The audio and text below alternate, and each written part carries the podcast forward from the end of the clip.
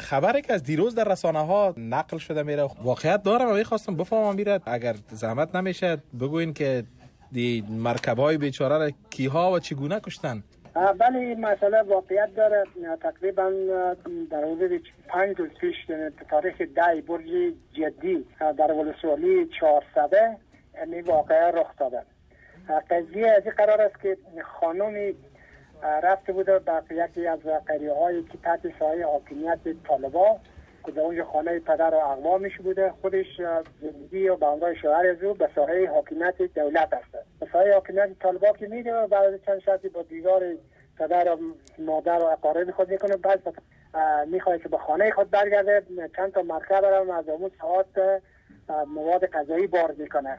با خود می‌بره که هم خوش بشه و هم چند تا همسایه که داره اونم چون اون رسولی سایه حاکمیت دولت سخت است که محاضره ها قرار داره این خانم چهار تا مرکبه رو بار می‌کنه. به هر برکر از اینا دو بوری برنج و فضل نباد خوراکه دیگه رو بار می‌کنه میاره می‌خواه بره به قریه خود.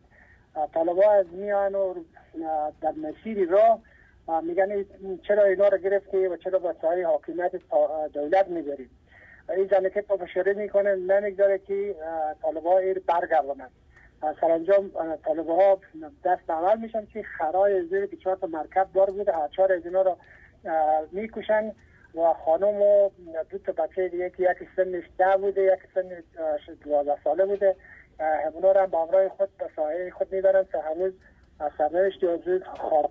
اطلاع هم معلوم نیست که جای کجا قرار دارن چی حالت دارن. قضیه قرار بود. بله آیا قضیه تحت تعقیب قرار داره؟ حکومت نیروهای امنیتی برای رهایی از این خانم و طفلهایش کدام اقدام کردن یا نه؟ بسیار کاملا طالب طرف طالب است و یک قریه فعلا ما در ولسوالی چهارزده طرف دولت داریم که در اونجا ولسوالی ماست قبلا ولسوالی دیگه موقعیتی بود نسبت به اینکه پیارا می‌تونه کنجا اکمالات کنه همیش تحت تاثیر ضربات هوایی ضربات زمینی دشمن بود. رئیس ما ولسوالی خود از نگاه استراتژی موقعیت از تغییر دادیم. به همون قریه بردیم به نام قریه من. فعلا باشنده های قریه من همه کاملا با دولت هستند و اکمالات نیروهای دیگر ها دیگه هلیکوپتر به اونجا میشه. یعنی دسترسی نیروهای دولتی ما در تعقیب قضیه برای فعلا امکان پذیر نیست و اونا هستن. اما هر زمانی که در سایه حاکمیت قرار داره یعنی طالبا اجازه نمیتن که مواد غذایی به ساحه تحت حکومت بره یا ایست که خانم متهم به ای کردن که گویا به نیروهای افغان مواد غذایی انتقال می‌داد؟ فقط نیست که اونها نمی‌گذارن که مواد غذایی به ساحه حاکمیت دولت بره. ساحه حاکمیت دولت هم فقط در اونجا یک قریه هست قریه هم تمام از اونها او مردم از باشنده های از را کلی دارن و از خود دفاع می‌کنن. مثلا به گروه های خودی از خود دفاع می‌کنن. پس به از یک استاد از یک نگاه کنیم اینا همه دولتی میشن.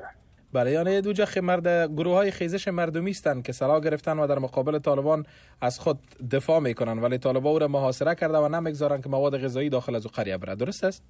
بله بله. محاصره این سوالی بالکل چندین سال میشه که محاصره از امو ترس محاصره که بسیار ما مرکز ولسوالی رو انتقال دادیم به جای دسترسی طالب کمتر باشه. خب خب. این ولسوالی 400 است که مورد مورد محاصره طالبا قرار داره. بله بله. ولی خود مرکز ولسوالی کاملا محاصره اقتصادی طالب است. آه درست است. تشکر یک جهان خطیبی صاحب. لطف کردین.